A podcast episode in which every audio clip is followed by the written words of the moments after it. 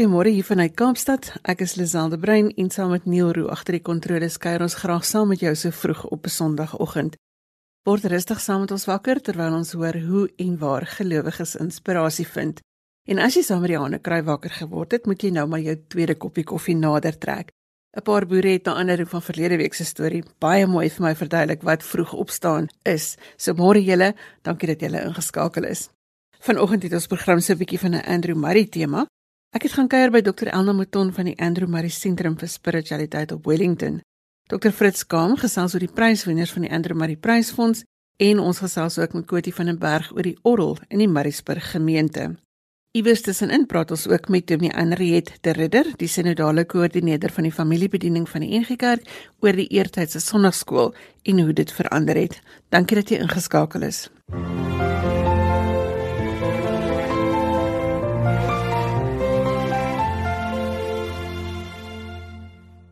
Andrew Murray verjaar die 9de Mei en met die oorweldigende nalatenskap vir die geloofsgemeenskap gesels ons gewoonlik in Mei maand oor die verskillende areas wat vandag nog met die naam geassosieer word. En een so 'n projek is die Andrew Murray Prysfonds wat deur die Christelike Lektuurfonds geadministreer word. Dr Fritz Gam is die voorsitter van die fonds. Môre Fritz. Goeiemôre Lisel. Hoe het die Andrew Murray Prysfonds ontstaan? Die Andrew Murray Prysfonds het in 1978 tot stand gekom. Dis nou van jaar 43 jaar gelede. Andrew Murray se 150ste geboortedag herdenking het daardie jaar plaasgevind en daar is toegevoel dat 'n prys vir teologiese en Christelike boeke aan sy naam gekoppel moet word.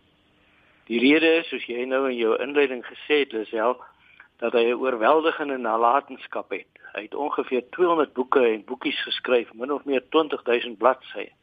En van sy boeke word vandag nog herdruk en gelees. Om 'n prysfonds aan sy naam te verbind is as 'n baie goeie idee beskou. Die Andrew Murray Prysfonds se ledevergadering bestaan tans uit 18 lede van verskillende instansies en kerke en soos jy ook gesê het, CLF of die Christelike Lektuurfonds behartig die administrasie daarvan. Met die verloop van jare het daar nuwe kategorieë bygekom in die proses? Ja, ja, Die Andrew Murray Prys was en is vir teologiese en Christelike publikasies in Afrikaans. Met die tyd het die Andrew Murray Desmond Tutu Prys ontstaan. Dis 'n sonderlinge wonderlike versoening, gebaar van versoening van 'n NG Dominee uit die vorige eeu en 'n Anglikaanse aartsbiskop van ons tyd. Die Andrew Murray Desmond Tutu Prys is bedoel vir publikasies in 'n amptelike taal van Suid-Afrika behalwe Afrikaans omdat die Andrew Murray Prys as sodanig steeds bedoel is vir Afrikaanse boeke. 'n Derde prys het later bygekom vir debuutwerk in enige amptelike taal van Suid-Afrika. Dit is die Desmond Tutu Gerard Brand prys. Nou Gerard Brand is 'n jong gestorwe teoloog van Stellenbosch. Hy was voorheen ook boeke-redakteur van die Burger. En dan is hulle is daar ook verskillende toekenninge te onderskei van die pryse. Daar's nou die drie pryse, maar daar's ook drie toekenninge almal tuisgebring onder die sambreel van die Andrew Murray Prysfonds.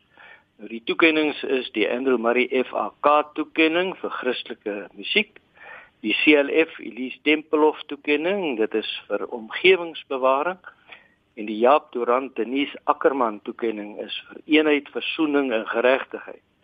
En nou dis die drie pilare van die belydenis van Bellar. Hoe lyk die kategorie hierdie jaar, Fritz? Ja, wat die pryse betref, die Andrew Murray prys vir teologiese publikasies is vir jaar gewen deur Malcolm de Roubaix vir sy boek Hoop, Heling en Harmonie, dink nuut oor siekte en genesing. Dit is uitgegee deur Penguin Boeke en die beoordelaars noem dit 'n buitengewoon interessante boek. Daarin daag die skrywer al sy lesers uit om spesifiek die mediese en gesondheidskwessies van ons dag op 'n radikaal holistiese wyse te sien en te probeer oplos. Die beoordelaars was professor Wenzel van Huisteen, professor Fani Snyman en dokter Ronel Besuitnout. Nou die Andrew Murray Prys vir Christelike Publikasies is gewen dis nou die Andrew Murray uh, Desmond Tutu Prys vir Christelike Publikasies is gewen deur Hytjie Berg vir sy boek The Ultimate Survivor ook uitgegee dan nou in die geval deur Lux Werby. Die skrywer vertel op 'n eerlike, deurdagte manier sy verhaal van dwelmverslawing en die pad van herstel.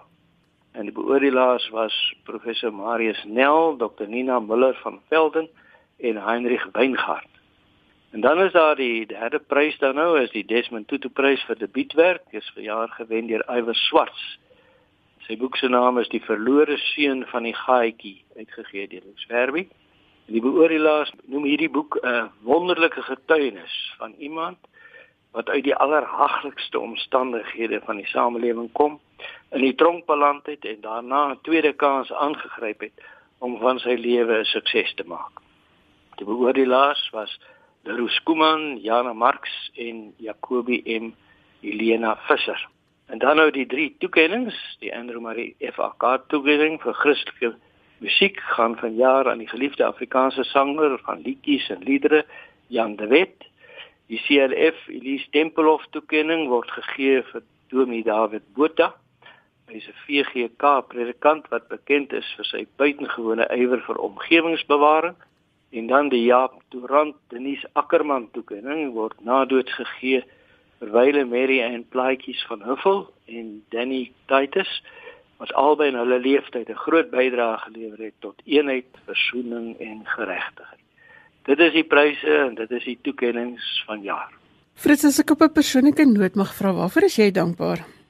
O, ek is baie dankbaar dat die prys nog steeds bestaan, dat die uh, dat die pryse bestaan, dat hierdie instansie tog aan die gang is en dat dit met die tyd gebleik het dit is dit uh, voldoen aan 'n baie groot behoefte my persoonlike lewe is ek baie dankbaar dat 'n mens nog betrokke kan wees by so iets en dat die Here ook dit gaan gebruik glo ek tot grootmaking van sy naam en die uitbreiding uiteindelik van sy koninkryk. En so gesels dokter Fritz Kaam, hy is die voorsitter van die Andrew Marie Prysfonds. Fritz, baie dankie vir die saamgesels vanoggend. Baie dankie, Lisel.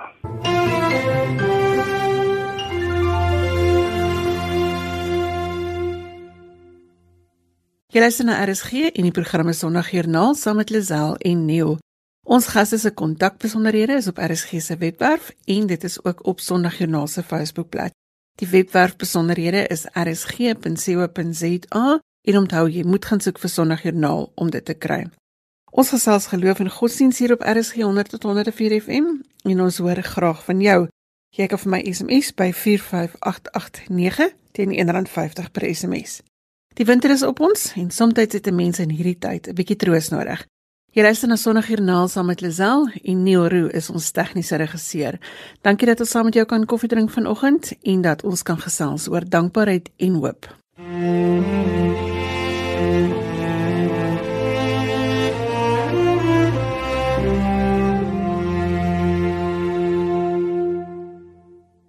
Dominee Anriet de Ridder is predikant in sinodale diens vir jeug en familiebediening in die Wes-Kaapland en ons gesels vanoggend oor die manier waarop die kerk die jeug bedien en hoe dinge verander en aangepas het die afgelope jaar.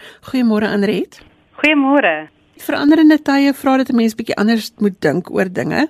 Hoe het julle binne die formele kerkstrukture besluit om met wat ons geken het as sonnaarskool te werk? Dis self sonnaarskool kom eintlik uit die 18de eeu uit. En ek dink die groot motivering vir sonnaskool in daardie tyd was gewees dat ehm um, jong kinders wat nie lees en skryf nie moet 'n ruimte hê.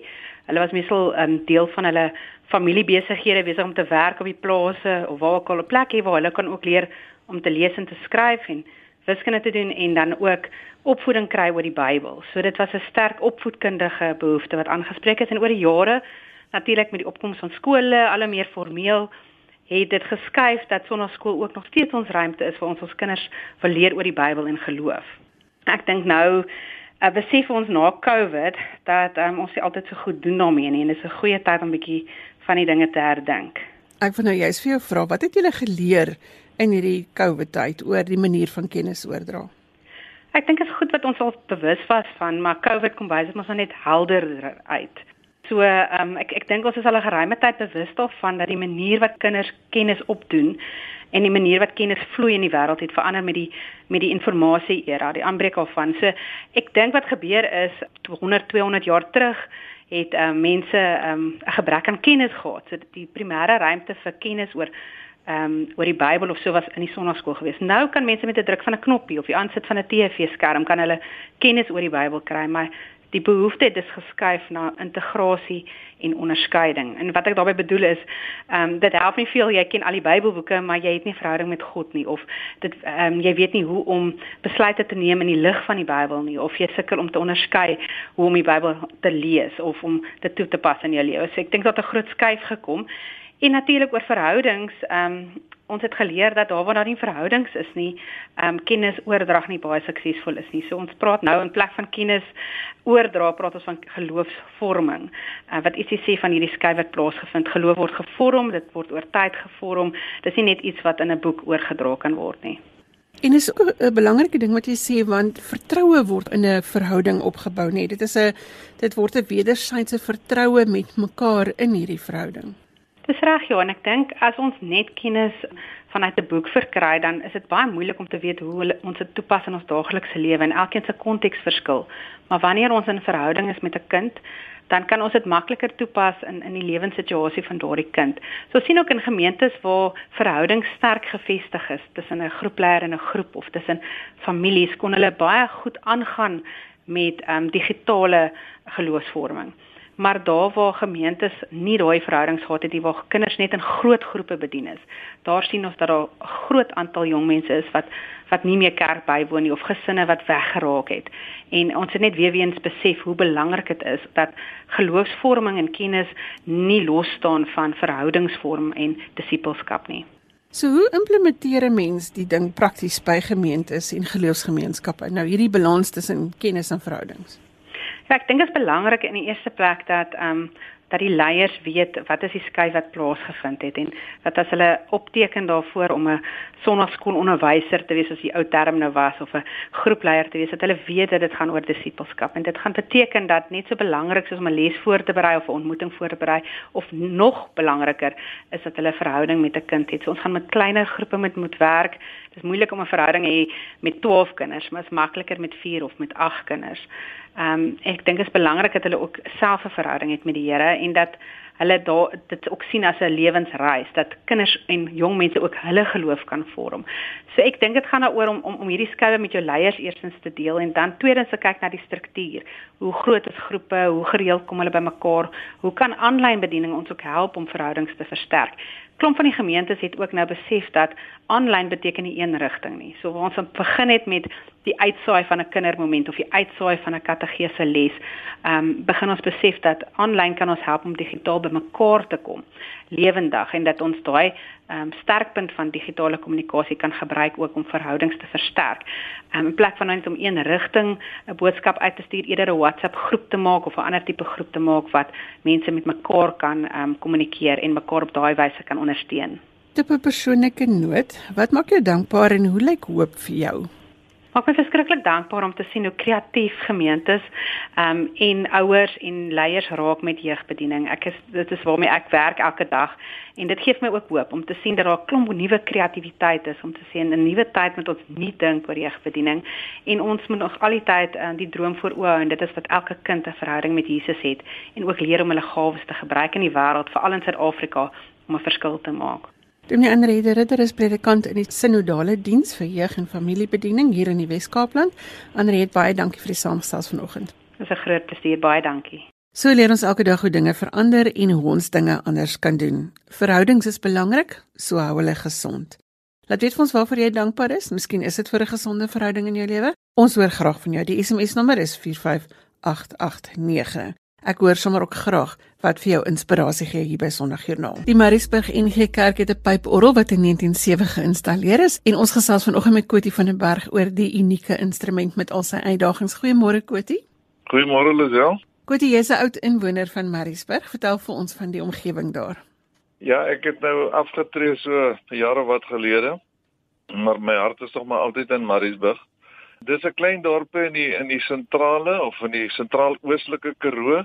Nou die Karoo het nie grense nie, so kom ek sê die die groter dorpe rondom, Grafinet is ons grootste dorp aan ons ooste kant en dan Beaufort Wes aan die weste kant, ons is so min of meer in die middel. Die dorp is gestig in 1855. Uh, maar daar was nog nie 'n gemeente nie, maar 'n kerklike kommissie het die plaas En die plaas se naam was Eensaamheid en hulle het dit gekoop van 'n boer met die oog om 'n gemeente en 'n dorp daar te vestig. Uh dit het hulle hulle ook gedoen so in aanvanklik was die was die kerk die eie die die eiendom van die dorp gewees. Hulle het eers die gemeente gestig en toe nou die die stadsraad en die kerkraad was dus min of meer dieselfde. Uh, dit is wel interessant. Op daardie stadium is meeste van die mense van die gemeente van Graffinet af bedien. En op daardie stadium was Dominee uh, Andrew Murray wat van Skotland af gekom het om 'n uh, bietjie die kerke in Suid-Afrika te kom help, was hy die die leraar in in Graffinet gewees en daarom het die nuwe gemeente se naam was toe sommer Mariesburg gewees waarop ons vandag nog altyd baie trots is.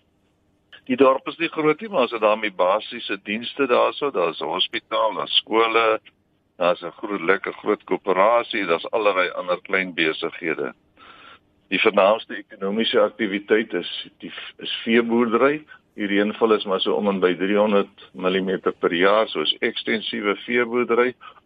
Merino volskape is die is die hoofbedryf met uh angora bokke en beeste en wild en partymal is daar volstryse ook. Dit is maar die ander deel van die boerdery. Daar's 'n bietjie besproeiing vir voerproduksie. Nou die die landbou kan nie vir al die mense in die dorp werk gee nie. So werkloosheid is ongelukkig 'n probleem. daarmee saam gaan om gewoonlik maar misdaad en uh sosiale probleme soos ander plekke ook maar maar ons onderhou altyd en ons hou maar die die sake so na die beste van ons vermoë in plek. Die dorpie was altyd bekend as 'n baie boomryke dorpie. Dit is nog boomryk, maar die droogte het nou heelwat van die bome se lewens geëis. Ja, en die munisipaliteit bring nou ook nie altyd hulle kanties so die strate is nie meer so mooi en netjies nie. Die orgel in die kerk is nogals 'n besonderse instrument. Vertel ons daarvan. Ja, ek gaan nou net eers vinnig sê van die, ons getalle, ons is maar 'n baie klein gemeente, is maar so 105 lidmate. Die kerkgebou is 'n baie mooi groot gebou. Dit kan meer as 600 mense vat. Dit is gebou op 'n stadium toe die gemeente omtrent sê 300 lidmate sterk was en gegroei het. So die mense het voorsiening probeer maak, maar dit het nou anders uitgewerk. Ja, die orgel is iets spesiaals. Ek wil net sê ten spyte dat ons nou min lidmate is en die finansies nou maar partymal knyp, is dit 'n lewendige gemeente met te loyale en toegewyde lidmate. Die leraar op die oomblik is Dominee Loanay McLaughlin en ons is geseënd dat ons nog 'n leraar kan bekostig En ek wil ook net sê dat ons het uh, dit is die tweede keer dat ons nou al 'n dame vir 'n leraar het en dit werk baie goed. Ek wil sê die bloeitydperk van pyporgels vir kerke in Suid-Afrika was van 1814 om en by tot 1914.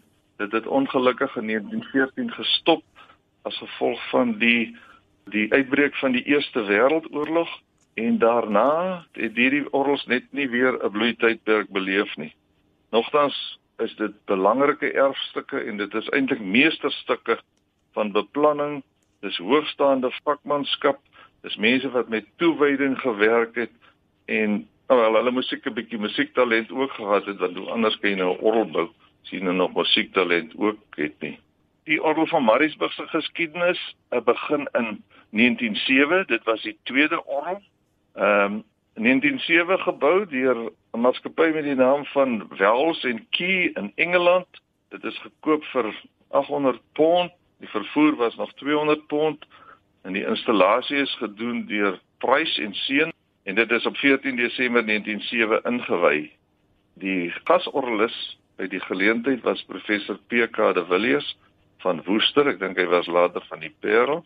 Die plaaslike orgelis mevrou Burger, mevrou Maimie Burger het ook opgetree. En dit moes 'n groot geleentheid gewees het want onder andere het daar 'n 'n berig in die koerant verskyn daarna wat verwys het na die orgelspel en ek al aan in Engels grand and perfect playing it was heavenly. En ek dink vandag lewer die orgel nog vir ons net sulke besonderse mooi klanke. Van hierdie wels orgels is daar altesaam 16 in Suid-Afrika ingevoer waarvan 11 nog in 'n oorspronklike toestand is en nog diens doen. En professor Troski sê dit getuig van uitstekende vakmanskap wat oor die jare die toets van die tyd deurstaan het. Die orgel het sowat 1502 pype. Ons weet natuurlik 'n orgel se klanke word deur middel van lug gemaak wat deur pype vloei. Daar's 25 registers, twee sleutelborde en ook 'n pedaalbord. Die fasade, dit is nou soos die ou mense gesê, die vertoon van die orgel bestaan uit 53 pype wat kunstig in groepe gerangskik is en mooi in drie effe kleure geverf is. Dit alles word ondersteun deur 'n groot eikehout raamwerk en op hierdie raamwerk is die volgende woorde gegraveer: Loof God in sy heiligdom. Dit is baie uniek en ook baie gepas. En dit is amper soos 'n opdrag aan die gemeente. As ons die orgels vergelyk met ander pyporgels in kerke, dan is hierdie orgel van Mariesburg uh word hy volgens professor Trotsky geklassifiseer as in die top 10. So as dit regtig 'n besondere orgel. Soos alle historiese pyporgels, is hierdie orgel natuurlik ook met die hand gepomp aanvanklik want uh, daar was nie krag beskikbaar nie. Daar is 'n wyster wat aandui of die of die orgel genoeg wind het of genoeg lug het en as hy net te min het, dan moet jy meer pomp en as hy hy kan ook te veel hê, dan moet jy bietjie minder pomp. En dan uh, is daar ook 'n ander ding wat in wat Mariesburg se orgel wat die mense doen is omdat die lug so droog is, is daar sit hulle altyd 'n emmer water, soos sê in die binnewerke van die orgel, daar waar al die pype is, om 'n bietjie 'n klammer atmosfeer te skep en dan met die orgel baie gereeld gediens word deur kundige mense wat wat dit doen so elke 10 tot 15 jaar. Wat 'n interessante storie oor alles wat met daardie orgel gebeur. Kan ons afsluit om te vra waarvoor is jy dankbaar? Ja, ek is uh, as jy nou my ouderdom met dan wil ek nou amper sê ek is dankbaar vir die lewe wat ek gehad het. Maar ook op 'n daaglikse basis is ek uh, het ek so versameling van goed waarvoor ek dankbaar wees as ek in die oggend wakker word dan dan dink ek ek dit ek het geniet baie gerief. Ek het 'n dak oor my kop en 'n bed om op te slaap. En as ek eet, dan is daar genoeg op die tafel as ek iets wil doen, dan is ek nog gesond om dit te kan doen. Al hierdie dinge werk vir my moet te gee. En dan is ons dan is ek geseënd in in vele opsigte en veral omdat ek 'n persoonlike verhouding met die Here kan hê. En dit is sit dit alles bymekaar en dan het ek een groot dankbaarheid oor my. En so gesels Kody van der Berg, hy's 'n oud inwoner van Mariesburg en ons het gesels oor die Mariesburg NG gemeente se kerkorrel. Kody baie dankie vir die saamgesels vanoggend. Dankie Lisel. Kom ons luister eers na 'n stukkie orgelspel van die Suid-Afrikaanse Koraalvereniging.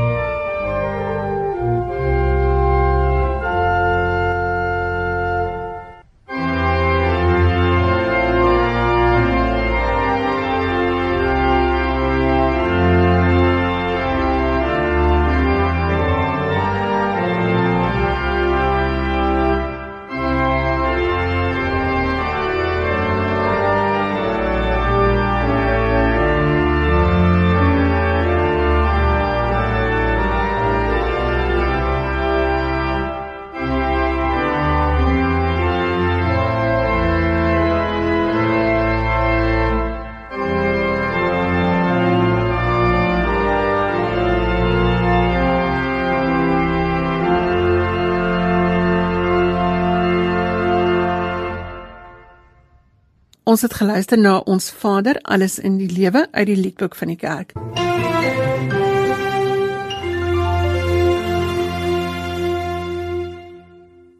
Hier is ingeskakel op Sondagjoernaal en ons gesels met mense oor hulle belewenis van godsdiens en geloof. 'n Plek waar geloof elke oomblik van die dag 'n groot rol speel, is die sentrum vir spiritualiteit op Wellington. Ek het daar gaan besoek af lê. Elna, ek en jy het voordat jy afgetree het gesels oor die droom van hierdie spirituele sentrum hier op Wellington. Hoekom so 'n sentrum? Dis ja, die droom kom van ver af, waarskynlik 'n dekade gelede selfs. En intussen is die droom besig om voor ons oë werklikheid te word. Die bewussyn aan die behoefte by kerkleiers en veral dan uiteindelik die NG Kerk se moderatuur uh, en leiers hier in die Wes-Kaap en die Suid-Kaap was oortuig dat saam met ander leiers wêreldwyd kerkleiers dat ons dit nie gaan maak in die 21ste eeu as ons nie iewers ruimte skep vir verdiepte spiritualiteit nie. Waar mense boonbehalwe die woorde waarmee ons elke dag werk en die rituele baie dinge wat ons voed en in stand hou maar dat behalwe dit daar ook ruimte moet kom vir stilte vir nadenke vir gewoon net vertoef met God langs die pad Ek weet nie of mense dit mooi kan beskryf die gevoel wat jy hier kry nie want dit is mooi, dit is kalm, dit is stil. Dit is die plek waar Andrew Marie gewoon het. Julle het dit omskep. Vertel vir ons hoe lyk die sentrum?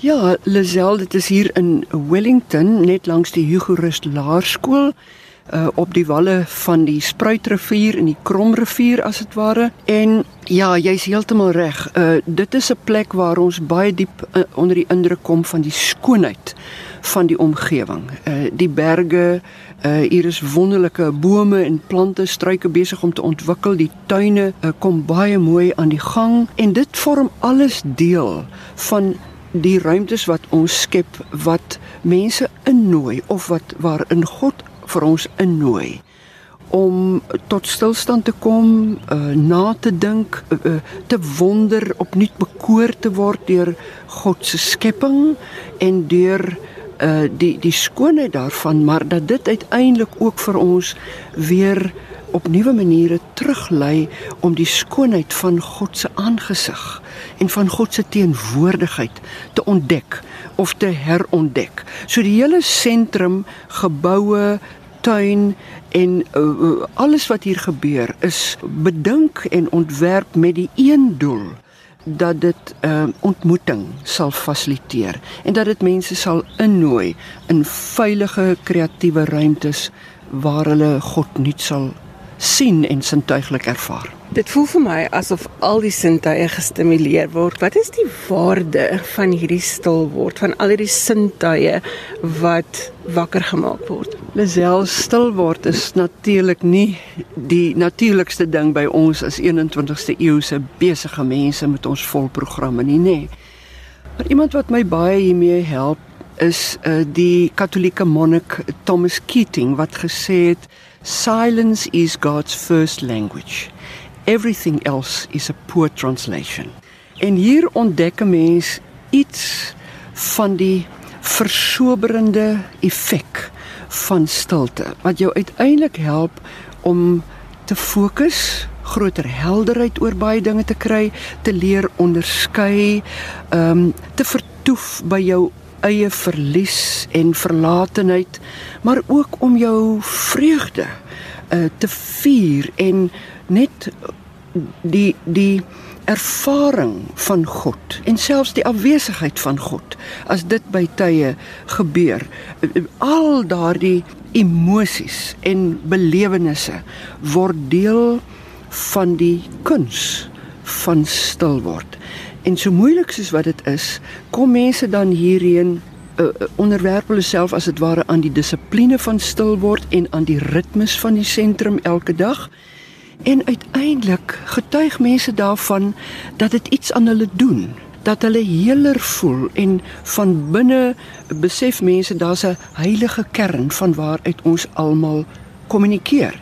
En as dit nie gevoed en vertroetel word as dit ware nie, dan sê ons maar sommer net ons gebruik net baie woorde sonder dat ons dink oor wat ons doen, nie waar nie.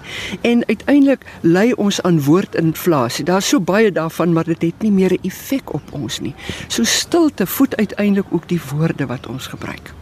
Jy praat van die ritmes van die sentrum.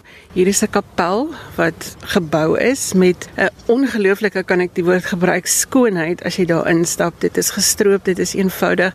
Vertel ons 'n bietjie hoe julle dit beplan het en wat daar gebeur. Lisel, die verhaal van die kapel is is baie besonder. Soos die terrein nou is en soos wat ons dit aangetref het um, met die oog op die omvormingsproses in 2018 was dit eintlik die die mees beskeie en ek wil amper sê verwaarloosde gebouetjie op die terrein.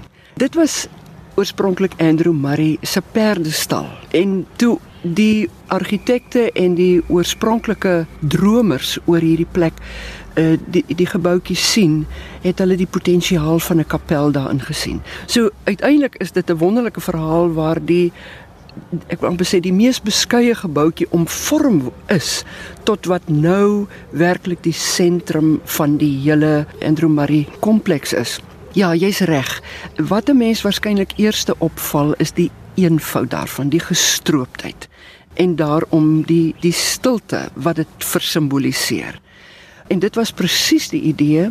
Dit is omring deur 'n uh, water, daar's 'n ekopool waar daar die meeste van die tyd 'n fontein loop. So mense raak met die aanloop na die kapel reeds bewus van simboliek. Simboliek van water, van lewende water.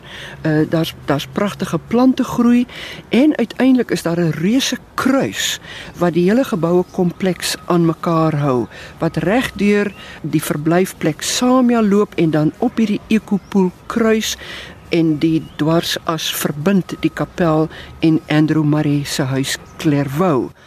Nou die kapel is die plek dan waar ons ten minste 3 keer 'n dag bymekaar kom. Dit is die gewone ritmes van die sentrum hier 7 uur in die oggend waar ons die nuwe dag verwelkom en vir ons orienteer aan die opkomende son.